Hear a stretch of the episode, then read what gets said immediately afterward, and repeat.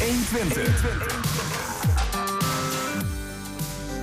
Twee jonge Enschedese stellen pakten hun zoektocht naar een eerste koophuis op een eh, bijzondere manier aan. En beide hebben nu goed nieuws. Kunstenares Guusje Beverdam uit Hengelo wil haar levenswerk vatten in één boek getiteld Illusie en Ironie. Lokale politieke fracties doen allerlei acties om hun landelijke partij op de kaart te zetten voor de verkiezingen. En het eerste voorlopige ontwerp voor windmolens en zonnepanelen in Twente ligt er. Het is woensdag 10 maart en dit is 120 vandaag. Het eerste kievits-ei van Overijssel werd afgelopen zaterdag gevonden in Kampen. Met de vondst is nu ook in eh, onze provincie het weidevogelseizoen begonnen. Officieel. In het algemeen is de kievitsjacht in Nederland, vooral in eh, Friesland, een populair fenomeen. Maar ja, het aantal kievieten schijnt te dalen. In de studio is Jelle van der Meulen, lid van de Weidevogelwerkgroep. Goedemiddag. Goedemiddag. Um, het eerste kievitsei van Overijssel, afgelopen zaterdag dus uh, gevonden. Is dat uh, iets waar je, waar, je nog met een bijzondere blik naar kijkt? Jazeker, wij zijn altijd benieuwd uh, wanneer en waar het dan gevonden wordt. Twente die loopt meestal een beetje achter, maar het betekent voor ons ook het signaal dat de vogels er weer zijn en weer actief. dus wij staan ook in de startblokken wat dat betreft. Twente loopt achter omdat hier minder kievieten zijn... of omdat we gewoon niet zulke enthousiaste zoekers zijn? Nou, ik denk uh, beide. Er zijn hier niet zoveel kievieten... en de zoekers die alleen maar zoeken om het eerste ei te vinden... die zijn hier eigenlijk niet. Wij zijn -hmm. wel kievitseieren zoekers... Maar dat is meer om het nest te vinden en te markeren in overleg met de boer. Zetten we ja, een stok voor en een stok een meter erachter, zodat die boer uh, met zijn werk eromheen kan. Hè? We zijn niet zo bezig met uh, we willen dat eerste kievitsei vinden. Nee, dat nee. was in mijn zeer jonge jaren, kan ik me herinneren, uh, de regio waar ik dan vandaan kwam. Als dan de Elfstedentocht geweest was, als jongens, dan was onze volgende passie was, om het eerste kievitsei van de gemeente maar even voor de duidelijkheid, Jelle, je komt uit Friesland, hè? Ja, zeker. Ja, zeker. Ja, ja, je kunt het niet helemaal goed horen, maar dan weten we dat even. Ja, maar ik praat dan over een tijd dat er heel veel kievieten waren. En uh, ik woon nu al ruim 20, uh, 40 jaar in Twente. En ik kan me herinneren dat toen wij met de vogelwerkgroep begonnen, uh, bij de vogels, 30 jaar geleden, toen waren hier ook behoorlijk wat kievieten. En wij, nou, wij deden dan werk wat ik net beschreven heb. Mm -hmm. Maar als je nou vandaag de dag kijkt, ik denk dat wij uh, meer tijd kwijt zijn aan het vinden van een kiewiet dan om vervolgens een nest te vinden. Dus, ja, uh, dus het is wel echt heel erg afgenomen. Ja, dat, uh, dat is maar, wel met een factor 10, denk ik wel. Dus, ja. misschien komen we daar zo nog wel even op over hoe dat dan ja, hoe dat komt en nou ja, wat er aan de hand is met die kievieten. Maar ook nog, toch even naar die zoektocht. Dat is een bijzonder fenomeen. heb je zelf overigens wel eens het eerste ei gevonden? Of is dat... Jouw, jouw nee, is dat, is die, dat is mij nooit ten deel nee. gevallen. ik heb ooit vroeger het eerste grutto-ei van de gemeente Leeuwarderadeel gevonden. Maar uh, dat was niet uh, speciale eer was dat. Want je mocht helemaal geen grutto-eieren meenemen. Dus, nee, dus die, die vond je, maar dat was de kat in de zak. Heb je, uh, we, we, hebben wat beelden van hoe dat eruit ziet, zo'n zo'n zoektocht. Hoe, hoe gaat dat? Hoe gaat het in zijn werk? Kun je daar iets over vertellen? Nou, kijk wij hebben uh, als uh, zoekers, we noemen dat vrijwilligers, die in overleg met de boer, hebben een bepaald rayon. Dus er zijn een aantal boeren die, nou, die dan, waar wij contact mee hebben. En we weten wel van tevoren waar die kiewieten ongeveer zitten. En dan, nou, dan gaan we het land in en bekijken we het gedrag van de kiewieten. En dan, nou, op een gegeven moment gaan we zoeken en dan hebben we meestal vrij snel het nest. Maar dan weet je wel ongeveer waar die eieren zich dan ongeveer zouden kunnen bevinden. Ja, kijk, dat is de kunst van het, uh, uh, het eieren zoeken. Kijk, je moet niet uh, op de eerste meter nadat je door het hek bent beginnen te zoeken. Want dan ben je na anderhalf uur zoeken, dan kom je misschien een keer in de buurt van het nest. Maar dan ben je zo blind geworden dat ook al loop je er dan vlak naast, dan zie je het niet meer. Dus je moet heel gericht zoeken. En heb een mooi voorbeeld van een jaar of drie geleden. En was er een boer uit uh, Lonneker. Waar eigenlijk geen vrijwilliger was. Maar die had, uh, had dan een groot stuk maisland met wel allemaal kiewieten. Dus daar zijn we naartoe geweest. En dan lopen we de eerste keer lukraak naartoe. Dan zie je daar en daar is er iets. Nou, en dan verstoppen we ons. En dan komen we op een gegeven moment van een richting dwars erop opnieuw Zodat je een soort kruisbepaling hebt van mhm. Waar is het ongeveer. En toen hebben we eigenlijk binnen een vrij korte tijd vijf nesten weten te vinden. En uh, ja, dat is de kunst die wij dan hebben, die een ander niet heeft. Dus, uh. ja. waarom, ja, waarom eigenlijk? Waarom doen mensen dit? Deels uh, om rationele redenen, maar ik denk dat er ook een stuk passie bij is. ik en het geldt eigenlijk ook wel voor mijn collega vrijwillige zoekers, die hebben dat vroeger in hun jeugdjaren gedaan. En dat, is, ja, dat blijft een stuk passie hangen. En dat is wel gekoppeld aan ook liefde voor de vogels en de natuur in het algemeen. Maar... Is het ook een verslaving eigenlijk? Want eh, kijk, het zoeken naar een ei, ik weet nog als kind, als dat met Pasen, hè, dat was toch wel altijd echt heel erg leuk. Ja, maar ja, wat voor eieren ging je naar zoeken? Ja, nou, gouden eieren. Die, die, verstopt waren. Ja, precies. Daar kreeg je chocoladepaasas voor. Nee, dit, dit is toch wel anders, want je bent in de wilde natuur en vaak weet je niet eens of er wel een ei is. En, eh, ja jij als kind wist gewoon zeker waar het ei was. Dus dan is het een soort puzzeltje wat je... Dit gaat meer om de kievieten dan om de zoektocht. Nou ja, natuurlijk al. Ja, natuurlijk. Maar het zoeken op zich is ook een uitdaging. Hè? Dus, ja. Eh, maar goed, ja, dan heb je zo'n nest en uh, staat er een stok bij. En dan komt er een boer met een trekker. En die gaat er dan omheen. En ik moet zeggen, dat gaat heel keurig. Maar ja, dan komt zo'n nest uit. En dan ja, dan lopen er van die jonge kiwietjes. Vroeger ook nog gruto's.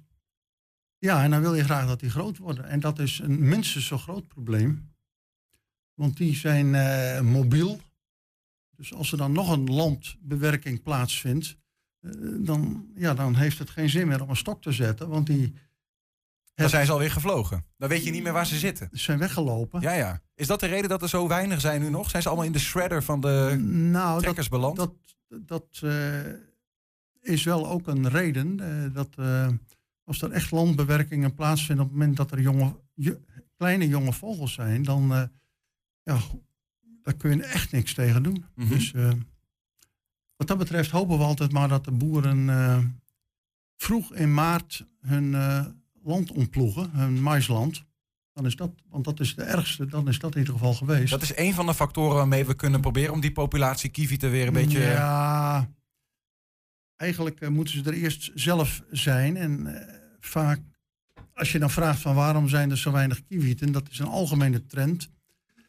En ik denk toch dat het te maken heeft met dat, dat er veel te weinig eten voor uh, die beesten is. Ja. Waarom, is er, waarom is het eigenlijk een probleem dat er weinig kievieten zijn, of is het geen probleem? Ja, is, is dit een probleem als de olifanten uitsterven? Ja. Maar dat is dus het idee. Maar beschadigt het ook ons ecosysteem? Wat doen die kievieten? waarom zijn ze belangrijk? Ja, dat, dat, weet ik niet precies. Ik denk dat het toch voor de diversiteit fijn is dat ze er zijn. En, uh, ja. Maar ja, de, de, de Gruto bijvoorbeeld, die is al helemaal uit de Enschedese contraien verdwenen. Er mhm. zijn uh, hier en daar in Twente nog wel wat plekken waar ze wat... Ervoor doen. Bijvoorbeeld, wat ik zeker moet noemen, is daarbij uh, Rijssen Holten. De Overtoom, daar hebben ze een gebied ingericht.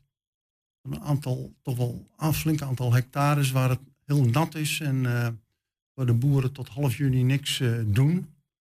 Nou, en dat is ook redelijk uh, succesvol, moet ik zeggen. Daar keren de kievieten weer langzaam, uh, langzaam terug. Dus dat zijn middelen waardoor we ze weer terug kunnen zien. Maar ook af, die afname van die kievieten misschien tot slot ook.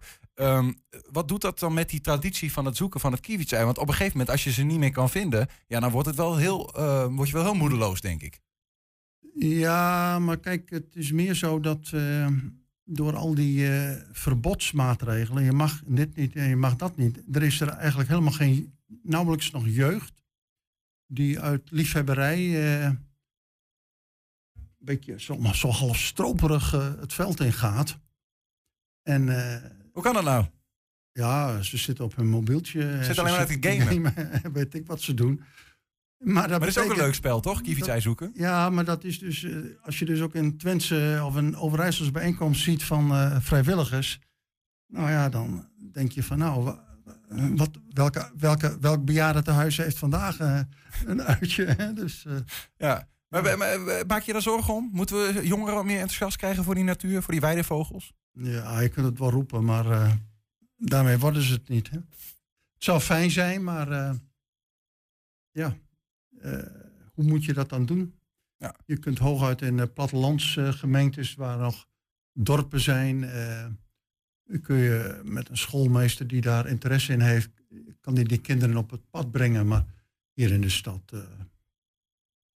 ja, ik zou het graag zien, maar ik heb er wat dat betreft weinig verduurzaam. Nou, dank in ieder geval voor het enthousiasme wat jij eh, tentoon hebt gespreid voor de weidevogels. Jelle van der Meulen, bedankt. Kunstenares Guusje Beverdam uit Hengelo wil haar levenswerk vatten in een boek. Straks praten we met haar. Maar eerst starters en de woningmarkt. Het is geen gelukkige combinatie. Het wordt voor starters steeds moeilijker om een koophuis te vinden. Er is veel vraag, er is weinig aanbod. En dan wordt er ook nog eens massaal uh, over de al hoge vraagprijzen heen geboden. De afgelopen weken hadden we twee stellen te gast die op een eh, creatieve manier de zoektocht naar hun droomhuis voortzetten. Miron en Laura die gooiden zo'n duizend, let op, duizend briefjes door de brievenbussen in de door hun gewilde wijken. En Jasper en Eva die riepen een website in het leven. Laten we even terugkijken hoe dat ook weer ging. We zijn nu uh, drie maanden uh, ja, goed en wel ja. fanatiek bezig naar een huis te zoeken. En uh, ja, je merkt gewoon in de markt dat het gewoon heel snel gaat. En ja, hierdoor proberen we eigenlijk op een uh, leuke persoonlijke manier een boodschap af te geven. Ja, wij zijn er nu echt wel achter. Als het op Funda staat, ben je eigenlijk al te laat. Dus uh, ja, we zijn nou wat meer uh, concreet echt aan het zoeken. Uh, wat we bijvoorbeeld gedaan hebben is als een huis te koop komt... is uh, door eens langs te gaan bij diegene of eens te kijken in de buurt... of toevallig jij iemand kent die diegene in de buurt kent... om zo'n persoonlijke benadering te vinden. elke keer wanneer je het via een makelaar probeert... dan is het toch wel lastig. Je wordt of overboden en je moet er heel snel bij zijn. En het is eigenlijk al een dagtaak aan zich. Hoeveel briefjes heb je totaal rondgebracht, weet je dat? Oh, veel. heel veel. Ja. ja. ik denk dat we een stuk of duizend? Meer? Ja, misschien wel, ja. Is het frustrerend? Ja. Uh, maar je bent er al zo lang mee bezig. Het, het, het, gaat heel langzaam, wordt het steeds ietsje erger, zeg maar. En ik denk dat dat ook wel de reden is dat we nu deze stap hebben genomen. Ja, wat is de volgende stap dan, stel dat dit niet lukt? Uh, we hebben nog een plan om uh, te gaan targeten op social media. Dus we gaan gericht advertenties inzetten op Enschede. En nou ja, wie weet, hopelijk dat we dan ook nog genoeg publiek krijgen. En dat daar dan de gouden tip in zit. Ja, volgens mij is dat niet meer nodig geweest, dat laatste. Want er is nieuws. Uh, Eva Spijker hebben we aan de telefoon van het laatste stel dat je hoorde. Eva, goedemiddag.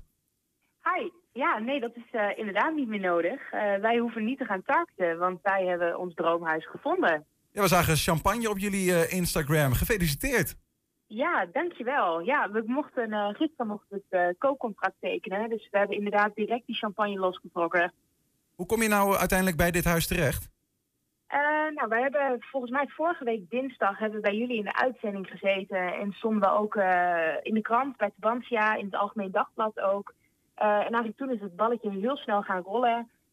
heel veel berichtjes binnengekregen, heel veel tips ook binnengekregen. En daar zat ook de gouden tip tussen. dus het is een hele hectische week geweest. Dat heel snel is gegaan. We hebben snel zijn gaan bezichtigen. We hebben een bod uitgebracht. en dat is geaccepteerd. Dus een week later, precies een week later, uh, konden we ook onze handtekening al zetten. Dus dat is gigantisch snel gegaan. En heb je dan nu ook een beetje een betaalbaar huis kunnen vinden? Of heb je nog echt wel ver boven die vraagprijs moeten gaan zitten? Ja, we hebben inderdaad wel uh, overboden. Maar dat wisten we eigenlijk ook van tevoren. Ook voordat we deze campagne begonnen. Van nou ja, dat eigenlijk de vraagprijzen tegenwoordig meer een van afprijs uh, zijn. Mm -hmm. Dus dat vinden we ook niet heel erg. Onze campagne was ook vooral om in de picture te komen bij huiseigenaren die hun huis gaan verkopen. En ja, dat is uh, gelukt, want we hebben een huis gevonden die eigenlijk nog in de stille verkoop stond. Die stond nog niet online. Dus okay, we dat is er mooi snel bij zijn. Ja, precies. En, dat, en die, die hoge vraagprijs of de, de hoge prijs die je er dan voor betaalt, die, die heb je er ook uh, lang en breed voor over? Ja, absoluut. Ja, we ja. zijn heel blij ermee. Dit is eigenlijk precies ook wat, uh, wat we zochten al dat hele jaar dat we op zoek waren. Dus dat vinden we zeker waard. Hey, nu, hebben jullie die website, hè, dehuizenjacht.nl. Is dat nou verleden tijd? Is die offline gehaald of ga je er nog iets mee doen? Ja, we zijn nu uh, aan het kijken van, hé, hey, wat willen we hiermee? Wat willen we met dit concept? We hebben namelijk ook heel veel berichtjes gekregen van andere stellen door heel Nederland... die ons in de regionale of landelijke media ook hebben gezien. Die zeggen, wij lopen eigenlijk precies hetzelfde aan. Zou je ons kunnen helpen? Of misschien dat er een andere partij is die het tof vindt om het concept over te kopen of de domeinnaam over te kopen. Dus daar zijn we nog eventjes over aan het nadenken uh, van nou, wat gaan we ermee doen? We willen het zeker niet laten doodbloeden, omdat het ook nu echt iets is waar veel mensen mee te maken hebben, te hebben eigenlijk. Dus we gaan ervan uit uh, dat het nog wel een vervolg gaat krijgen. Maar we weten dus nog niet op welke manier. Kun je straks meteen met wat je daaraan verdient je hypotheek weer afbetalen, joh? Ja, dat zeiden wij ook al. Dan is het ook niet voor niets geweest. Dus dat wordt mooi meegenomen. Nee, dat zou heel mooi zijn inderdaad. waar staat het huis eigenlijk ergens? Ergens in Enschede in een, welke wijk? Ja, in de wijk Stokhorst. En dat was ook inderdaad een van de wijken uh, waar we ook echt op, op zoek waren. Dus de, echt alles uh, wat jullie voor ogen hadden zit in dat huis? Ja, eigenlijk wel. Qua, qua tuin en qua grootte, qua aantal slaapkamers, uh, locatie wat we heel belangrijk vonden. Dat zat er allemaal in. Dus we kwamen ook eigenlijk binnen we keken elkaar aan en we zien, ja, dit, dit is hem. Nou, fantastisch. Dus uh, ja, we zagen dat aan Miron en Laura al, maar ook bij jullie, uh, Jasper en Eva, van dat, dat dus de, de, de moeite loont om het op een creatieve manier aan te pakken. Zeker, ja. Je steekt er toch met kop en schouders bovenuit. Je hebt niet uh, 30 mensen die ook interesse hebben in het huis. Dus ja, absoluut. Ja. Wanneer krijg je de sleutel? september pas. Duurt nog even, dus we kunnen nu alle chaos en hectiek van de media kunnen we achter ons laten en ons rustig aan gaan voorbereiden. En uh, ja, tot de, tot de sleuteloverdracht. Ja, precies. Nou, mooi. Eh, veel plezier met de verwachting, hè, het, het verwachten daar naartoe. En ook uh, zometeen veel woonplezier. Eva Spijker, dankjewel. Dankjewel. Lokale politieke fracties doen allerlei acties om hun landelijke partij op de kaart te zetten voor de verkiezingen straks. Uh, we gaan zo meteen een aantal van die acties langs. Maar eerst het liefdesbankje bij het stadhuis in Enschede. En het wifi aan eh, de Enschedese straat in Hengelo zijn haar twee meest in het oog springende werken. Maar Guusje Beverdam maakte veel meer. Honderden afbeeldingen van haar keramieke kunst krijgen nu een eh, plekje in het boek Illusie en Ironie. Het boek moet er in mei liggen, maar ja, de kosten daarvoor zijn nog niet helemaal gedekt. Vandaar dat de Hengeloze kunstenaar een crowdfundingsactie is gestart. Guusje, goedemiddag. Goedemiddag. Wat leuk dat je er bent. Ja, nou zeker. Toen ik, uh, toen ik zag, we gaan praten met Guusje Beverdam, toen moest ik ook meteen denken aan het liefdesbankje. Daar is er nogal wat om te doen geweest, hè? In Enschede. Het bankje is al, is al een tijdje van zijn plek trouwens. Ja, er is uh, een vrachtwagen tegen aangereden oh. en hij is behoorlijk beschadigd dit keer. Hij staat nu in het westen uh, van het land. ja, het zijn bakkerijen met, de, met verzekering natuurlijk. Komt hij wel terug? Natuurlijk komt hij terug. Gewoon in, lange straat, in de Lange Straat daar? Ik denk niet dat Enschede missen wil, nog. Nee, dat was een nee, mooi, mooi geel object. Uh, ja, waar je ook markant. Komt. Iedereen heeft erop gezeten. Met, uh, met een geliefde of bruidsparen, met trouwen. Heel veel toeristen zie ik er ook op. Nee, het, uh, dat gaat denk ik niet weg. Nee, dus hij komt nee. gewoon weer terug en dan kunnen we weer het markante gele bankje weer terug ja, nou ja, dus even kijken, want de restauratiekosten zijn heel erg hoog. En, dus je kunt je afvragen of je niet beter dan een hele nieuwe kan maken. Hm. Ja, dus. Dan naar je boek. Afwachten. Ja. En, en de crowdfundingsactie. Uh, want jij hebt geld nodig. Hoeveel geld heb je nog nodig? 11.500. Dat in ieder geval. En um, ja, zo'n boek is verschrikkelijk duur. Hè? Ja. Hoeveel geld heb je nu? Uh, er staat nu ik dacht 8.500 op te tellen. Dus het gaat helemaal de goede kant op natuurlijk. En dat komt van mensen die jou en jouw boek een warm hart toedragen? Ja, absoluut. Ja, ja. zeker weten. Ja. Hm. Behalve in Enschede, daar blijft het een beetje stil steeds. Oh, kan dat? Dat weet ik niet hoe dat komt. Nee, nee. Ja. Nou, laten we eens proberen om de harten van de Enschede's ook te winnen, uh, ja, Guusje. een goed idee. Ja, ja, ja. want um, uh, Illusie en Ironie, dat is de titel van het boek. Waar komt het vandaan? Nou, het is eigenlijk uh, ontstaan uh, ik ben eigenlijk dit soort werk gaan maken doordat ik een keer in de trein las dat 3 miljoen vrouwen lezen de boeketreeks. En daar schrok ik eigenlijk heel erg van. Zo van, dat is dan niet waar, weet je wel. Die, die zit op de bank en die schept voor zichzelf een roze wereld. Maar dat bestaat natuurlijk niet echt. Dat is, dit is een illusie. Dacht ik, nou, dan maak ik die voor hun, toch? Dat kan ik wel. Dan kunnen ze mijn illusie ook lezen, dacht je? Ja, precies. Hè? Maar is jouw werk dan, want het is, een, het is een, een bundel van eigenlijk veel werken die je zelf hebt gemaakt. Ja, mensen kennen natuurlijk maar een bepaald aantal werken van mij. Hè? Zeker die hier op straat staan natuurlijk. Maar ik heb natuurlijk veel meer gedaan. Dat is... Ja. Maar is jouw werk dan uh, eigenlijk een beetje doordrenkt van ironie? Ja, het is wel uh, een manier waarop ik tegen de samenleving aankijk. Hè? Met de nodige ironie kijk ik naar uh, onderwerpen die je gewoon tegenkomt in het dagelijks leven natuurlijk. Hè? Mm -hmm. En ik ben ook niet helemaal vreemd van humor natuurlijk. dat vind ik ook wel iets. Nou, wat misschien ook wel, ja, ik weet niet of dat humoristisch bedoeld is, maar de, de, de meeste artiesten, uh, kunstenaars, krijgen pas een soort van oeuvrebundel uh, als ze ter graven zijn gedragen. Als je dood bent, nou, daar wou ik niet wachten, nee. zeg. Kom. nee, ik hoop nog een hele tijd te leven. Ja, ja. Wat, wat, maar wat, um, wat hoop je er mee te. Ben je ook gewoon benieuwd wat mensen dan van al het werk te zeggen ja, hebben? Ja, sowieso. Hè. Ook, dat ze eigenlijk ook kennis maken met, met hun andere werk. Want er is natuurlijk veel meer dan alleen het liefdesbankje. En mhm. ik, vind, ik vind dat wel. Uh, ja, meer bekendheid voor, voor, voor mijn hele oeuvre, laat ja, ik maar zo zeggen. Ja. Maar vertel, misschien moet je ons eens meenemen. We hebben geen beelden bij, maar wat staat er in zo'n boekje? Bijvoorbeeld. Hè? Nou, natuurlijk voorbeeld van de illusie heb ik al mm natuurlijk genoemd. Maar ook dingen zoals uh, misbruik in de kerk. Hè, daar kan ik natuurlijk ook.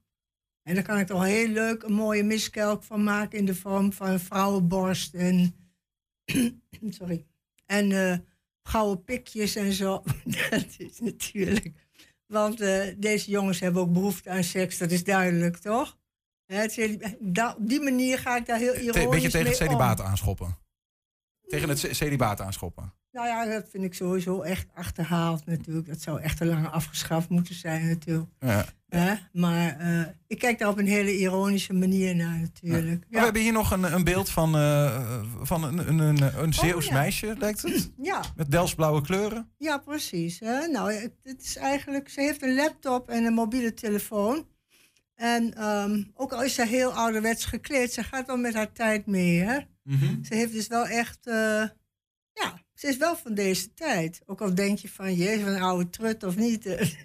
En is het, is het de vraag, ik weet niet of ik die eens mag stellen, want kunst is altijd een beetje, mag je dan vragen, waarom heb je dit gemaakt? Nou, omdat, misschien is het wel uh, omdat ik zelf uh, vind dat, uh, ja, dat je eigenlijk met je tijd mee moet gaan, natuurlijk. Ja, ja, ja, Is het een beetje een aanklacht tegen de conservatieven? Nee, dat niet. Hè? Ik ben zelf erg dol op de kleding van de jaren 50. Dat zou je kunnen zeggen, dat is ook heel ouderwets natuurlijk. maar ik heb natuurlijk wel een laptop. Ja, precies. Ja. En nou, we zien, we hebben nog een... een, een oh, ja, deze. Nou, hier bijvoorbeeld, laten we deze even... Een, ook een soort bank. Ja, dit is een bank die staat voor het Laboratorium voor Microbiologie en Pathologie. En uh, die is geschonken door het ZGT aan het nieuwe laboratorium, Oost-Nederland. En daar zitten alle virussen en... Uh, bacteriën op van allerlei ziektes. Oh, echt? nu zie ik hem ook, als je dat zegt, eh, rechts onderin zien we een soort van coronavirus-achtig nou, ding. Dat is het SARS. Dat heb je goed gezien. Ja, Dat is het SARS-virus. dat is de voorloper van corona. Ja, dit bankje bestond al voordat corona, ja, voordat wij kennis maakten met COVID-19. Ja, zeker, maar hij staat al een paar jaren. Ja, Boven op de, op de rugleuning zie je uh, het ebola-virus. Dat is ook een hele tijd natuurlijk een, een pandemie geweest. Maar waarom maak je dit? Bedoel, mensen, eh, ja. Nou ja, kijk, dit is het laboratorium waar het allemaal onderzocht wordt. Dus ah, dacht ik, oh, dan moet ik daar... Uh, en daar heb ik een studie van gemaakt natuurlijk, van allerlei ziektes en hoe die, uh, hoe die bacteriën en virussen eruit zien. Hoe kun je van zo'n virus nog iets moois maken? Ik wel, ja. ja zie je toch? Het HIV-virus zit erop en kinkhoest. Nou ja, goed. ja. Nou, liefdesbankje, daar, daar, daar, eh, daar hebben we het net al even over gehad. ik wil even toch ook nog even naar jouw persoon zelf, ja. Eh, Guusje. Want, eh, want je bent 73. Ja. Ik zeg het maar even. Ja, dat mag. Um, je werkt al 30 jaar als beeldend kunstenaar. Maar als je dan eigenlijk al, ja. Gaat rekenen, maar je, je, was nog niet je hele leven beeldend kunstenaar. Nee, nee, nee, nee. nee. Ik, um, ja, ik kom gewoon uit een groot gezin uh, waar maar je moest gaan werken. Je moest ook inkomen binnenbrengen natuurlijk. En mhm. meisjes, ja, in die tijd was niet zo belangrijk. Die gingen toch trouwen en die kregen kinderen. Maar was je altijd al wel creatief, ook als kind? Zat het altijd al... Bij eh, ons thuis gingen ze niet naar musea of zo. Ik ben wel met klassieke muziek opgevoed. Dat wel, dat was bij ons thuis wel een ding. Zondagmiddag mochten wij niet, mochten wel in de kamer spelen, maar moest wel stil zijn. Er was hè, uh, klassieke muziek erop. Dat was het programma van mijn ouders. Belcanto heet. En ik schiet me één weer te binnen, ja. Maar nee, maar niet met creativiteit. Mijn moeder maakte wel alles zelf. Hoe zag je bij jezelf dan van, hé, hey, wacht even, hier zit misschien wel wat in? Ik ben begonnen natuurlijk, uh, net als heel veel mensen natuurlijk, door naar een creatief centrum te gaan en cursussen te doen, weet je wel. Niet op een bierveeltje? Nee. Oh. Nee, ik wilde wel graag iets met klei doen, weet je wel. Zo is het eigenlijk begonnen. Gewoon een beetje vreubelen? ja, ja, precies. En ik merkte steeds meer dat ik dat, uh, dat ik dat geweldig vond om te doen. En toen heb ik nog een tijd handenarbeid gegeven, cursus gedaan, handenarbeid gegeven. En eigenlijk uh, ben ik wegbezuinigd op een gegeven moment. En toen dacht ik, ach, ik heb het ook wel gezien. Ik wil eigenlijk alleen maar zelf werken. Mhm. En toen ben je eigenlijk commerciële kunst uh, gaan proberen. Ja, naar de Aki gegaan, ja. En dat legde je ook geen windeieren. Tenminste, vlak na de Aki maar had je een vliegende start. Ik had een vliegende 1988. start. 1988. wat goed dat je dat allemaal weet. Ja, heb ik helemaal niet vanuit de laptop hoor. Nee, helemaal niet. Nee, nee. Ja, in 88 uh, ben ik afgestudeerd en ik kreeg gelijk een, uh, een startstipendium van het Fonds voor de Beeldende Kunst, Vormgeving en Bouwkunst in Amsterdam. En uh, ja, ik ging gelijk de musea's in. Dat was natuurlijk fantastisch. Ja. Dus ik ben echt afgeschoten, dat kan ik wel zeggen. Ja. Dus de, dat, dat, dat ging meteen al wel goed. Je hebt uh, honderden werken uh, gemaakt. Die ga je nu dus samenvatten ja. in die, in die ja. bundel. Ja. Uh, hoe selecteer je dan? Of heb je gewoon alle, al je werk? Nee, nee, dat gaat niet. Hè. Je moet wel een selectie maken. Ik kan niet alles erin krijgen. Maar er komt wel heel veel in. Maar doe je van alles wat? Of heb je een bepaald thema gekozen? Nee, helemaal niet. Wel een beetje chronologisch staat het erin. Mm -hmm. Maar nee, niet een bepaald thema. Er komen wel thema's in voor. Dat, dat sowieso wel. Ja ook het homohuwelijk en zo. Dat is natuurlijk allemaal in die tijd gebeurd dat ik ook werkte. Dus dat vond ik ook geweldig om daar iets mee te doen natuurlijk. Ja. Wanneer moet het boek er uh, eigenlijk komen wat jou betreft? Nou ja, uh, ik dacht eerst mei, maar dat gaat niet lukken. En um, ook de presentatie van het boek wordt ook een probleem. Niemand wil je hebben met corona natuurlijk. Ja. Uh, dus we gaan het verschuiven naar uh, ergens in de zomer. Dat het misschien eventueel ook buiten kan. Aankomende zomer gaan we, gaan we het ja. zien als er genoeg geld is. Waar kunnen de mensen terecht als ze iets willen doneren? Oh, bij uh, in ieder geval mijn eigen website zit een doneerknop. Is dat guusjebeverdam.nl? Wilde gok? Ja, guusjebeverdam.nl en dan bij voordekunst.nl en dan onder de discipline beeldende kunst. En als je nou wat bijdraagt, krijg ik het boekje dan ook toegestuurd of hoe werkt dat? Uh, het ligt eraan wat je bijdraagt. Okay, Kijk, ja. als je minder bijdraagt dan het boek kost, dan krijg je geen boek natuurlijk. nee, dat gaat natuurlijk ook ik. niet op, hè? Nee, maar ik zou, mag ik nog iets uh, vragen aan de mensen? Heel kort. Heel kort. Ja.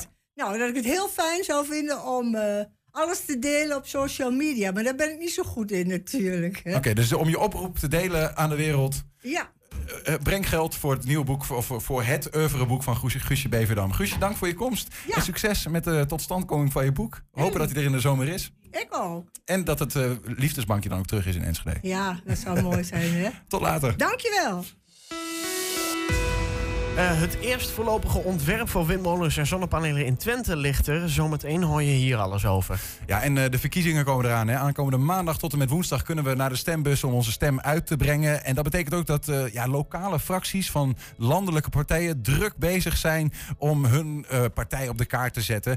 Bijvoorbeeld D66. Ze steken de handen uit de mouwen voor het klimaat en een beter duurzame leefomgeving. De Enschedese afdeling van D66 overhandigde in totaal, of gaat dat nog doen, een dertigtal vogelhuisjes aan diverse organisaties in de stad. Aan de telefoon is Gert-Jan Tillema van D66. Goedemiddag. Uh, hallo, Gert-Jan? Hebben we Gert-Jan op lijn 1? Ik hoor niks. Ik hoor ook nog niks. Ja, dan gaan we eerst, uh, gaan we eerst naar Jara Hummels. Want die schijnt op de andere lijn. Jara? Hoi. Kijk, kijk Jara is er wel. Want ook de PvdA, hè, je bent uh, een, uh, de fractievoorzitter van de PvdA in Enschede. Jullie zijn ook, uh, nou ja, gaan ook bezig om de partij nog wat extra op de kaart te zetten in deze tijd. Wat gaan jullie doen? Ja, dat klopt. wij gaan vrijdagochtend bij het krieken van de dag... gaan wij de hele single in Enschede volhangen met mooie rode sjaals. Voor een eerlijke en warme toekomst. De, de single in Enschede komt vrijdag vol te hangen met rode sjaals. Waar, waar gaan die dan ja. hangen? Aan de lantaarnpalen. Uh, heel, de hele single rond. We kunnen natuurlijk in deze coronatijd... Uh, ja, moeten we op een andere manier campagne voeren. En wij willen op deze ludieke manier toch een serieuze boodschap overbrengen. Voor een eerlijke dat... en warme toekomst. Klopt, ja. Nou, die warme toekomst, ja. die krijgen we als ik het zo mag geloven, aan de klimaatwetenschappers te horen. Ja, nou ja, en daarom is het ook aan, aan ons, aan partijen. En nou, mooi dat D66 er natuurlijk aan meedoet. Dat we ons uh, houden aan het klimaatakkoord en uh, daar serieus werk van maken. Ja. ja. maar het is dus ook, het is ook op een sociale manier bedoeld. Ja, kijk, wat wij, wat wij graag willen laten zien is dat het echt uitmaakt dat je en gaat stemmen en op wie je gaat stemmen. En uh, wij dachten dat het op deze manier heel mooi is om toch mensen uh, iets warms mee te geven. Uh, en daarmee, er zit overigens ook een klein filmpje voor mij, zit daar aan vast. Dus je kan een QR-code scannen en dan wens ik je een hele mooie fijne dag en ga stemmen. Um, maar het gaat er echt om dat je, ja, dat, wat de Partij van de Arbeid betreft, eerlijker en fatsoenlijker Nederland uh, voorstaan. En uh, dat kan alleen als we allemaal gaan stemmen woensdag. En die sjaal, als we hem vinden, vrijdag kunnen we er één meenemen. Is dat de bedoeling? Absoluut. Ja, ja, ja. neem hem lekker mee, want hij is inderdaad uh, voor de inwoners van Enschede. Nou, kijk aan. Jara Hummels hoorde je van de PvdA. Dankjewel, Jara. Ja, graag gedaan. Gaan we naar, proberen naar Gertjan Tillema van D66 in Enschede. Gertjan, goedemiddag. En goedemiddag. Kijk, daar zijn we. jullie hebben een dertigtal vogelhuisjes gemaakt. Uh, nou, eerlijk gezegd gekocht. Oh. en en, en uh, een beetje gepint. maar wat is de strekking daarvan? Uh, nou, dan een tijdje geleden, toen hadden wij met elkaar in de politiek, dus binnen de D66, over dat de stad groener moest, ehm, wat aan duurzaamheid doen. En toen kwam een van onze leden en die zei, ja, maar laten we nou een keer echt wat gaan doen in plaats van alleen maar praten die zei, laten we vogelhuisjes gaan maken en die ophangen in de stad. Om om nou, de, de, vogels een beetje te helpen. En dat helpt ook tegen de eikenprocessierups, hè? Dat scheelt ook weer. Die schijnt er ook weer aan te komen. Ja, ik geloof dat de discussie die we toen hadden inderdaad uh, over de rups ging. Ja, ja precies. Dus uh, ook D66 maakt zich druk om de toekomst van uh, het milieu, om het zo maar te zeggen. Een stukje biodiversiteit, meer, meer soorten, meer vogels deze kant op halen. Absoluut. Juist ook omdat je, nou ja, de stad wordt uh, steeds steniger. en dat moeten we met elkaar een beetje proberen tegen te gaan. Kijk aan, 30 vogelhuisjes. Kunnen wij die dan kopen of, is dat, of geven jullie ze weg? wij hebben ze nou afgesproken dat we ze weg gaan geven. aan verschillende organisaties in de stad. Avanti zit daarbij, Bijen zit daarbij, de universiteit. dus ehm, nou ja, als het, ze waren zo weg. Uh, we hadden verschillende organisaties gevraagd. Dus dat vraagt wel om meer. Kijk aan. Gert-Jan Tillema van D66, dank. Graag gedaan. En uh, voor het laatste dit blokje, ook uh, de ChristenUnie uh, heeft de handen uit de mouwen gestoken. De partij hield een estafettefietstocht van Enschede naar Amersfoort. Er kwam onderweg duurzame projecten tegen. In Enschede bezochten ze het team van Solar Team Twente. Hadassa Meijer van ChristenUnie Enschede, goedemiddag. Goedemiddag. Wat, wat hebben jullie precies uh, met die actie beoogd? Nou, het was een actie door het hele land. Dus niet alleen vanuit Enschede, maar ook vanuit Limburg en Zeeland en Friesland, zeg maar, waren er initiatieven die naar, uh, in een estafette naar uh, Amersfoort werden gebracht. Gewoon om met elkaar inderdaad, ik hoor al met mijn collega is met hetzelfde bezig en heel vaak vinden we elkaar ook op duurzaamheid. Mm -hmm. um, dat we zeggen van uh, we moeten daar gewoon goed over nadenken met elkaar. Dus elke plaats um, die meedeed, die had een duurzaamheidsinitiatief. En wij hebben inderdaad het Solar Challenge verhaal van Enschede naar Amersfoort gebracht. Ja. Hoe kan dat denk je? Want uh, we hebben nu eigenlijk drie partijen en alle drie maken ze zich echt wel druk om dat duurzaamheidsding. Is dat ook het meest hotte item op dit moment in de verkiezingen, denk je? Nee, dat is niet het meest hotte item in de verkiezingen. Want dat is corona volgens mij. Ja. Uh, uh, alleen volgens ja, ik weet niet welke partijen. Ik hoor net mijn collega van D66. Ik weet niet wat je nog meer in de uitzending. De P van de A gaat rode sjaals ophangen op de single. Oh, oké. Okay. Is dat heel duurzaam? Nou ja, ze voor een warme toekomst uh, had uh, Jara oh, het over. Oké, okay. heel goed. Maar um, um, wij zijn natuurlijk ook wel hier in Enschede, in elk geval de drie partijen met GroenLinks en volgens mij nog één andere, maar dat weet ik niet zeker, mm -hmm. die een duurzaamheidscoalitie hadden gesloten voor de verkiezingen al. Dus ik denk wel dat het bij ons allemaal wel speelt. En volgens mij is het ook heel belangrijk om met elkaar te laten zien. de verkiezingen gaan niet alleen over corona. Je kiest mensen voor de komende vier jaar. En dan speelt er ook duurzaamheid, dan speelt er ook woningbouw, dan speelt er ook eenzaamheid en een heel aantal andere zaken waar je het gewoon met elkaar over moet hebben. Dank, Adassa, voor de, voor de uitleg over jullie actie die je afgelopen zaterdag hebt gedaan. Dat was snel. Ja, het is heel kort en krachtig. Oké. Okay. Hadassa mij hoorde je van de ChristenUnie in Enschede. Dank.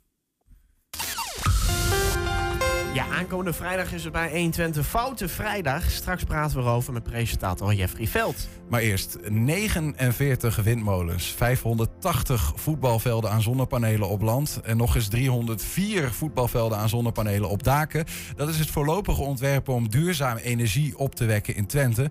De stuurgroep Regionale Energiestrategie die is verantwoordelijk voor dat Twentse plan. En voorzitter van die stuurgroep is Louis Koopman. Louis, goedemiddag. Goedemiddag.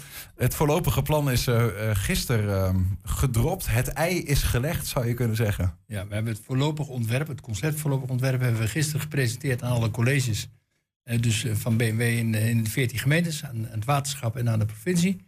Als een eerste belangrijke stap om tot 1 juli het definitieve ontwerp RES 1.0 dan ook op te kunnen leveren aan het Nationaal Programma. Ja. Zoals we dat met elkaar afgesproken hebben in het Klimaatakkoord. Dat is een procesgang die we volgen. U bent voorzitter van zo'n stuurgroep. Uh, droomt u ook windmolens inmiddels of niet? Nee.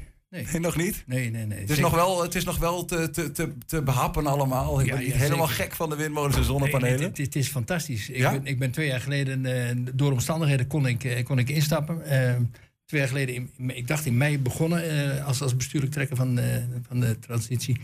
Vooral ook omdat ik het, en ik refereer ook even aan de mevrouw, ik dacht van de ChristenUnie die daar net iets zei over duurzaamheid en uh, de komende tien jaar. En wat mij betreft duurzaamheid, klimaatverandering en het tegengaan van de effecten van de klimaatverandering. Want daar hebben we het eigenlijk over met energie.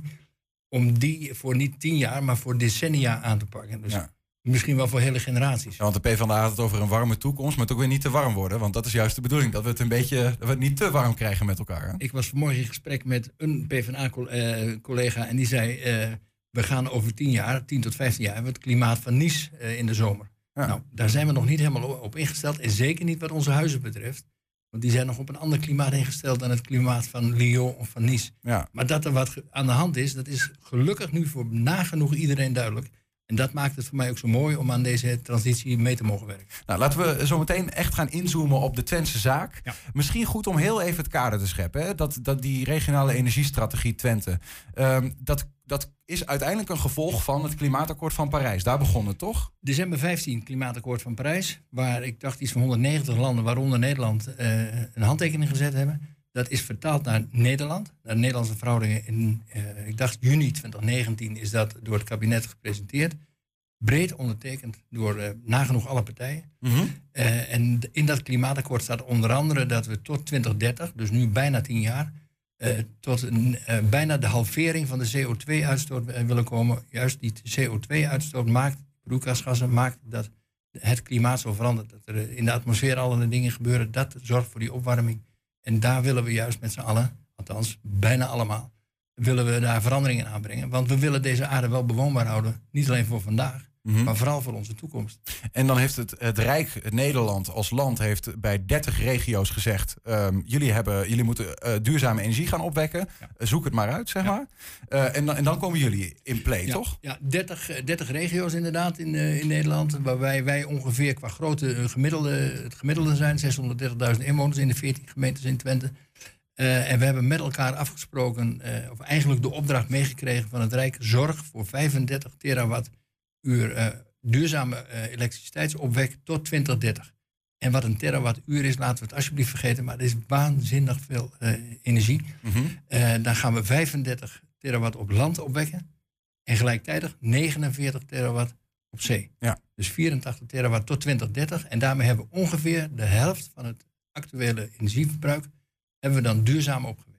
Dat betekent dat uh, Twente wordt gevraagd: uh, ga iets doen met windmolens en zonnepanelen. Dat is waar uh, de Rijk dan op inzet en waar jullie dan ook mee aan de slag gaan. dat is een enorm ingewikkelde opgave, want dan heb je het over allemaal mensen die zeggen: windmolens leuk, ik wil ook duurzaam, ik wil de aarde nog lang leeft, maar niet bij mij in de achtertuin. Dat soort stukken. Ja. Wat is jullie rol als stuurgroep regionale energiestrategie Twente dan? Nou, wij hebben als stuurgroep gezegd, en dat is een, een samenstelling van, van wethouders uit een aantal gemeentes de gedeputeerden vanuit, vanuit Zwolle zitten erin. Er zitten netbeheerders in, Enexis en, en. Daar zitten vertegenwoordigers in van, van Twents. Uh, de, woningcorporaties zijn vertegenwoordigd. Dus we proberen het zo breed mogelijk samengesteld te hebben.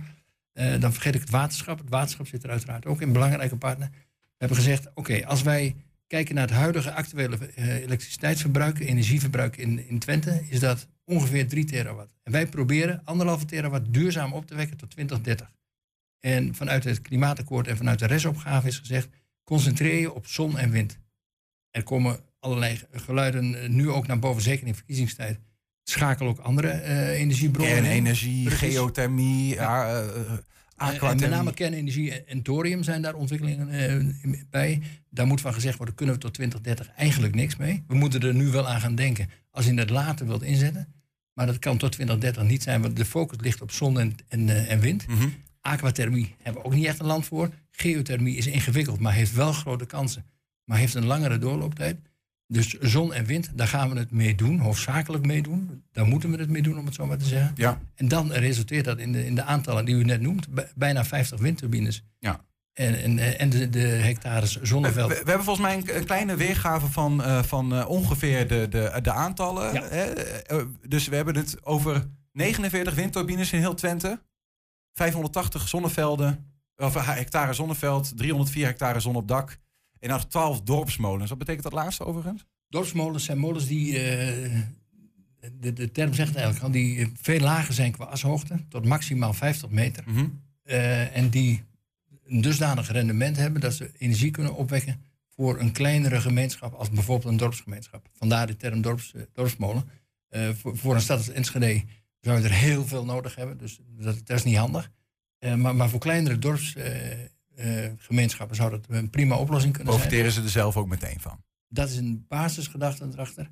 Als je de last van een molen hebt, wil je ook de lust van de molen. Dus de opbrengst. En het rendement blijft dan ook in je eigen uh, leef- ja. woongemeenschap.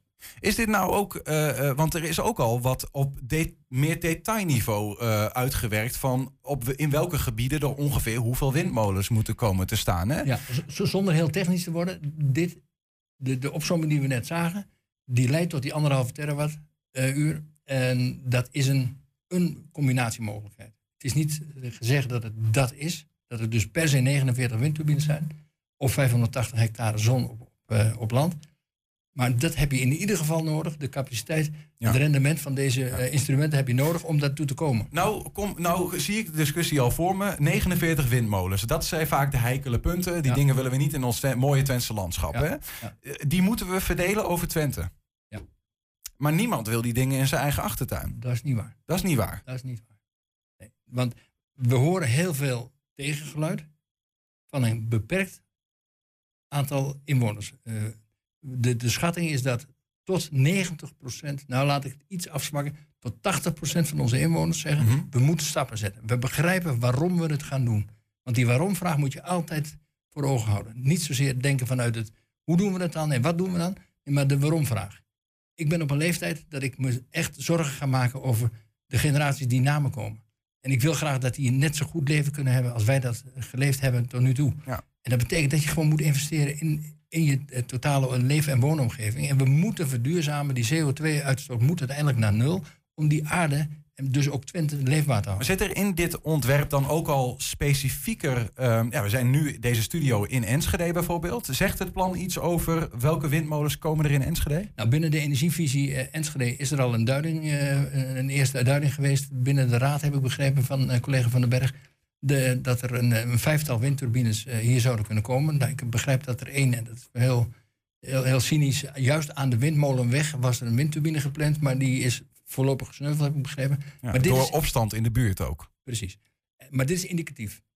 Wij zouden, en dan spreek ik even vanuit uh, netbeheerders met name, om de kosten laag en betaalbaar te houden voor iedereen, want dat vind ik wel een heel belangrijk punt. Mm -hmm. We gaan niet duurzame energie opwekken om onze energierekening per huishouden, per woning te verdubbelen of zo. Dat zou, laat ik het dan maar gewoon zo zeggen, waanzin zijn. Dat is ook niet wat we moeten ja. doen. Het moet wel betaalbaar blijven. Maar die betaalbaarheid betekent ook dat we concessies moeten doen naar elkaar toe. Dan moet je compromissen, compromissen sluiten. En windenergie heeft nu een keer een factor 3 ten opzichte van zonne-energie ja. Qua rendement. In de praktijk betekent wat u zegt dat eerst was het plan ongeveer 40% windmolen, 60% zonnevelden of zonnepanelen. Nu uh, wordt er gestuurd toch meer naar 60% wind, dus gewoon meer windmolens per saldo. Vanuit de gedachte, we willen het betaalbaar houden, we willen het efficiënt doen met elkaar, mm -hmm. is het verstandiger om 60 tot 60% van de duurzame energie met wind op te wekken. Mm -hmm. Dan heb je minder molens ja. nodig dan je aan hectares zonneveld en zon op daken gaat, uh, gaat besteden. We, we, hebben hier nog een, een kleine weergave van uh, nou, de specifieke gebieden in Twente. Het is eigenlijk niet zo goed te zien vanaf onze afstand. Maar um, misschien gewoon de algemene vraag. De, dit voorlopige ontwerp wat er nu ligt zegt iets over... nou, we moeten ongeveer zoveel windmolens in totaal in Twente. Maar het zegt ook wel iets over waar moeten dan ongeveer zoveel windmolens komen. Ik zoek een beetje naar wat is nou... Um, de rol van de regionale energiestrategie, van de stuurgroep. En wat is eigenlijk de eigen zeg, uh, zeggingskracht nog van een gemeente binnen, binnen dat plan? Wij zijn als stuurgroep alleen maar behulpzaam, faciliterend. We bereiden voor de beslissingsbevoegdheid en zoals het dan zo mooi heet, de gemeentelijke autonomie staat overeind. Een gemeente met haar raad, met haar inwoners, gaat over haar eigen doelstellingen mm en gaat over haar eigen invulling. Maar we hebben wel op regionaal niveau afgesproken als wij tot die anderhalve terawatt komen, zullen we ook elkaar moeten helpen. Een gemeente als Oldenzaal heeft nauwelijks buitengebied. Dus daar kun je niet of nauwelijks opwekken. Dus wat heeft Oldenzaal gedaan? Die heeft gekeken naar haar drie buurgemeenten in Noordoost-Twente, Tubberg en Losser en, uh, en Dinkeland, en gezegd, kunnen wij met z'n vieren iets doen? Eenzelfde beweging zie je bijvoorbeeld met wind. Daarom zei ik net ook al uh, heel strak, nee, het is niet zo dat iedereen tegen is. Er zijn ook mensen die zeggen, ja, we moeten wat. Dus we gaan daar ook plannen op maken. Gemeentes Almelo, Twenterand en Tubbergen hebben in een driehoek waar ze bij elkaar komen, boven Maria Prochi, dus Maria Prochi en, en Frieseveen, mm hebben ze gezegd, daar gaan we een aantal windmolens projecteren. Dat lijkt ons een goede locatie. Nou, dan krijgen we het gesprek op gang. Toch dit, uh, dit uh, initiatief of dit, dit voorstel wat er nu ligt. Um, uh, de bedoeling daarvan is dat hij nu bij de verschillende, bijvoorbeeld bij de verschillende gemeenten wordt belegd ook. Ja, ja. Um, die gaan dan in, in die gemeenteraden gaan ze daar over praten met elkaar. Ja. Um, stel nou dat de gemeente in de gemeenteraad van Enschede bijvoorbeeld straks wordt gezegd: ja, dit voorstel is mooi, maar wij zijn het er niet mee eens wat erin staat. Um, heeft u dan een probleem? Dan hebben we met z'n allen een probleem. Want we hebben regionale afspraken gemaakt. En uh, collega, collega en portefeuillehouder hier, Niels van den Berg, heeft zich daar ook sterk voor gemaakt. Daar sta ik voor. Daar staat de coalitie in Enschede voor in de gemeenteraad voor de ambitie die uitgesproken is en die hier ook op de kaart Oké, dus u verwacht eigenlijk al meerderheid van, voor, voor dit plan wat er nu ligt? Daar, zo werkt het politieke spel. Mhm. Er is een, een coalitie en een coalitie is, is een meerderheidscoalitie over het algemeen. En zegt, nou, daar, dat, daar, daar staan we voor en dat willen we invullen. Wij hebben bijvoorbeeld in Haaksbergen, waar ik wethouder ben, hebben we gezegd, nee, wij gaan voor vijf, in principe voor een energiemix van vijf windturbines, 30 hectare op, uh, op land en 22 hectare op zonnedaken. Toen we dat bekend maakten, vorig jaar, met de, de, de concept RES 01, dus de, echt het begin, kregen we van een aantal initiatiefnemers uh, de vraag naar het mogen ontwikkelen van zonnevelden tot 80 hectare. Nou, daar komt dan ook weer een discussie over, want betekent 80 hectare niet heel veel grondgebruik. Bijvoorbeeld goede land, landbouwgrond. Mm -hmm. Maar de grap is dat de, eigenlijk de initiatiefnemers, er zitten altijd grondeigenaren bij, die agrariërs, die boer zijn, die zeggen op de een of andere manier is mijn boerenbedrijf te weinig toekomst en ik wil wat anders. Ik wil een ander verdienmodel. Want laten we dat ook met elkaar vaststellen. Een energietransitie is ook een economische transitie. Het gaat, we gaan in onze economische verhoudingen ook heel anders om met elkaar in die hele verduurzaming van, van de energieopwek. Dat, dat is een ander, ander verdienmodel. Daar gaat heel veel geld in om ja. voor de komende 10, 15, 20 jaar. En heel veel nieuwe beroepen en nieuwe uitdagingen voor mensen die nu nog in opleidingen zitten. Maar toch ook nog even naar het democratische proces rondom de totstandkoming van windmolens en zonneparken in, in Twente en in, in de gemeente, zeg maar. Um, wat valt er dan nu? Dit voorstel uh, gaat uh, onder andere naar de gemeente, ook naar de waterschappen en naar de provincie. Maar eh, wat valt er in de gemeente nog af te dingen op dit voorstel? Nou, waar gemeentes voor staan, is voor de opdracht, voor de ambitie die uitgesproken is. Bijvoorbeeld bij ons 89 gigawattuur opwek in de gemeente Haaksbergen. En dat geldt per gemeente, gaat dat zo verschillend. Mm Oplopen tot, ik dacht, de hoogste bieding. Dus ook de gemeenten krijgen weer een specifieke opdracht?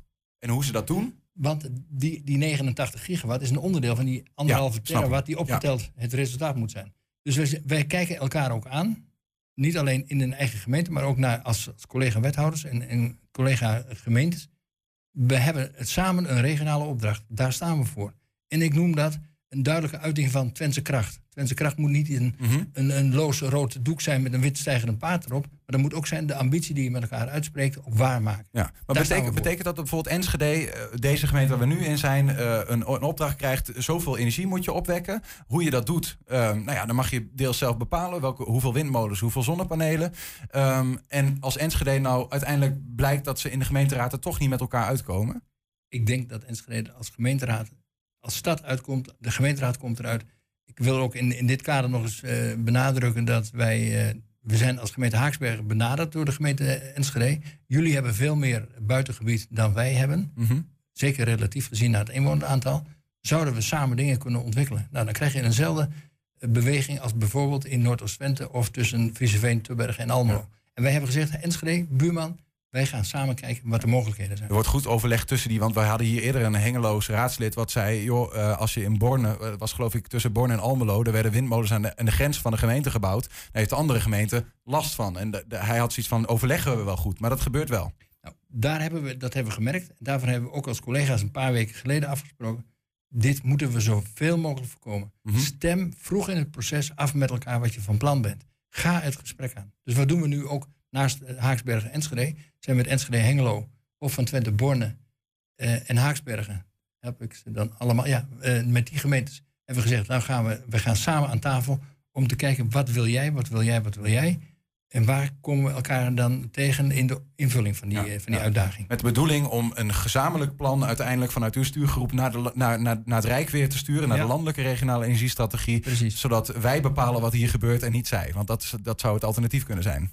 Precies. De gedachte achter de hele restorganisatie was... in de regio, in ons geval in Twente... staan uh, bestuurders, uh, wethouders en, en, en, raden veel dichter bij de inwoners... dan de Tweede Kamer of het kabinet. Mhm. Dus regio, vul het maar in. Ja. Pak die uitdaging aan. En daar hebben we ja op gezegd. En daar staan handtekeningen onder. En die handtekening maakt dat we dat jaar nu ook moeten invullen. Nu moeten we de volgende stap zetten. Ja, 2030 moet die anderhalf uh, terawattuur, uh, uh, het is heel, in ieder geval heel veel energie worden opgewekt. Wanneer staat de eerste windmolen heel concreet? Wanneer staat die hier in Twente? Oh, wat bijzonder is, 30 regio's, restregio's wat ik zei. Wij zijn de enige regio in Nederland, Twente, waar nog niet één windturbine staat. Dus we hebben een enorme achterstand. Ja, maar dat is misschien ook wel omdat wij ons landschap koesteren en omdat we zeggen, ja, windmolens, die, hier is helemaal geen wind. Niet, niet genoeg wind. Dat is ten dele waar. Want als ik bij ons uh, in het gemeentehuis sta op de tweede verdieping, ik hoef niet eens naar de derde verdieping, zie ik negen windturbines staan. Die staan alleen 400 meter over de Duitse grens. En hetzelfde beeld als je op de Pergelmes in Oldenzaal gaat staan, of als je hier in Enschede uh, de grens over gaat kijken, staan ze er ook al. Fair enough. We hebben een, laat zeggen, we hebben een achterstand in te halen. Wanneer komt die eerste windmolen er? Mijn inschatting is dat dat wel 5, 6, 27 wordt. Dus over 5 tot 6 jaar. Okay. Want dat is de gemiddelde doorlooptijd. 2025 van tot 2027. Zoiets, ja. Dat, dat zou mooi zijn. Het zou heel mooi zijn als de, als de eerste windmolen er zou staan. Maar na de eerste volgende meer. Louis Koopman, dank voor de uitleg en uh, succes met dit, uh, ja, misschien wat, soms wat hoofdpijnproject, maar toch iets waar je heel veel passie voor kunt houden. Blijkbaar. Uitdagend proces, mooie ja. ambitie. Nou, veel plezier ermee. Dank. Ja, dan iets uh, heel anders. hebben we een feestmuziekje, Koen? Ah, kijk. Dan zwaaien we meneer Koopman uit. En dan uh, halen we. Ja, ik zeg al, ik, geen woord gelogen. Het is heel iets anders. Want het is Jeffrey Veld. Uh, een wervelwind, mogen we wel zeggen. Veiligheid voor alles. Veiligheid voor alles. God, wat is dit nou weer? Er werd een mondkapje op uh, die in de vorm van een glas bier. Lekkere. Jeffrey, goedemiddag. Goedemiddag. Uh, dit is niet, niet voor niets trouwens. We gaan het niet hebben over windmolens en zonne-energie. Maar we gaan het hebben over andere energie. Wervelwinden. Ja, wervelwinden. Wat, Foute Vrijdag komt eraan. De Foute vrijdag. vrijdag. Ja, hoe fout wil je het hebben? Ja, nou ja, zoals jullie hebben de, de touwtjes in handen bij deze. Dus uh, wat, hoe fout gaan jullie het maken? Uh, zo fout mogelijk. Zo fout mogelijk? Zo fout mogelijk. We beginnen om 7 uur. Mark, ja. Benny, Claudia. Uh, Koen, doet de tv-registratie voor ons? Ja. Onderdeel van dit complot ook nog. Ja, ja, ja. Oh, wist je niet? Oh, gut, gut. Ja, ik, ja. ik heb gehoord dat er uh, een uh, flink ontbijt bij zat. Oh, Oké, okay. dus ja, ja, ja, ja, ja, ja. Follow voor, the money. Ja. Voor, voor sommigen dan een carpaccio-schaal. Maar. Ja, nee, maar eerlijk gezegd... Uh, ja, om 7 uur beginnen we met foute platen. Er zijn maar liefst 150 inzendingen geweest. Dus 450 platen zijn aangevraagd. En daar is een top 50 uitgekomen. 60, 70 of 30. Afhankelijk van de gasten natuurlijk, want we hebben ook vijf artiesten. Dus ja, je gaat een top 50 aan foute nummers uitzenden. 30, 40, 50. Vanaf, vanaf 7 uur? Vanaf 7 tot wanneer duurt zo'n feestje dan? Tot 12 uur. Tot 12 en misschien wel tot 1 uur. Ja, tot, tot wanneer het feestje duurt? Tot wanneer het gezellig is. Alsof corona niet bestaat. Gewoon weer eventjes uh, ouderwets... Corona, wat is dat? Ik bedoel, ja. laat gaan. Lach, geniet, doe. Is dit laat gaan? Is dat een, een, een verwijzing naar een gast? Nee, nee, nee, nee, absoluut niet. Nee, nee, nee. Maar als die voor de deur staat, dan uh, heb je echt leuke tv. Nee, dat gaan we niet doen. Nee, uh, Johan Flemmings komt als eerste. En ik heb nieuws voor je. In verband met de corona, Johan die woont in Maastricht. En die belde ons dus op van, ik kan er niet om 7 uur komen, want ik kan niet eerder weg. -hmm. Kun je een hotel voor mij boeken? Ik zei, nou, dat wordt een beetje moeilijk. Ik zeg, dan zit je s'avonds om 8 uur alleen. Toen kwam het idee, kan ik niet bij jou blijven slapen? Dus morgenavond om 6 uur staat Johan Flemings bij mij voor de deur. Ik bedoel, alles over voor een foute vrijdag. Dus je hebt het al een beetje met hem bijgelegd? Ja, met, met Flemings. Nee, daar wordt nog een appeltje geschild. Oké, okay, dus dat kunnen we ja, vrijdag ook zien? Dat, nou ja, goed, dat, dat, doe ik dus uh, donderdagavond. Oké, oké. Okay. Vrijdag is het alleen feest. Maar wat moet Johan doen dan? Johan zingen. Gaat Johan zingen? Ik wist niet dat die man ook kon zingen. Die kan echt alles, hè? Multicultureel. Ja, ja. En nou, oké, Johan Flemings hebben we nog meer. Björn Klok uit Oldersaan. Ken hem niet. Dat bedoel ik. Is dat mijn fout? Uh, nee, is niet jouw fout. Oh. Uh, wat is jouw guilty pleasure qua muziek? Oeh, ja, Spice Girl. Nou, die slaan we over. De Spice Girl, K3, zeg het maar. Maar goed, wat is een fout nummer? Alles wat je eigenlijk mee kunt zingen. Is een fout nummer. Ik vind dat altijd zo'n stomme naam, fout. Want ik denk dan altijd van ja, ik vind het gewoon goed, blijkbaar. Ja, alles is goed. Alles Abba. is goed. Abba. Abba. Abba. wordt vaak als foute muziek. Die komt ook prachtig. Die komt ook regelmatig voorbij natuurlijk in de top. Kijk, ik weet stiekem al wie er op nummer 1 staat. Koen weet het ook. Maar dan ga je niet verklappen. Oh, God, ik wil je dat rustig verklappen, maar vind je dat leuk? Nee. Nou, daarom. Nee, Gewoon kijken, kijken, luisteren. Want je kunt kijken, luisteren. We hebben Johan Flemmings, Björn, Klok. Harm Spang uit Drenthe. Hier in uh, ja, omstreken best redelijk bekend. Heeft uh, onder andere op de Mega Piratenfestijn gestaan. -hmm. Dan gaan we over naar uh, Jessie Arjaans. Ja, dat is jammer dat je er nou niet bij bent. Maar goed, en als laatste hebben we uh, Stef Ekkel, Lieve de Dik in de kist. En dan weer een feestje geweest. Ja, die ken ik. Ja, ja, ja, dat dacht ik. Maar dit betekent wel, dit wordt vooral Nederlandstalige muziek. Nee, nee Nederlands, oh. Duits, Engels, wat er maar is ingediend.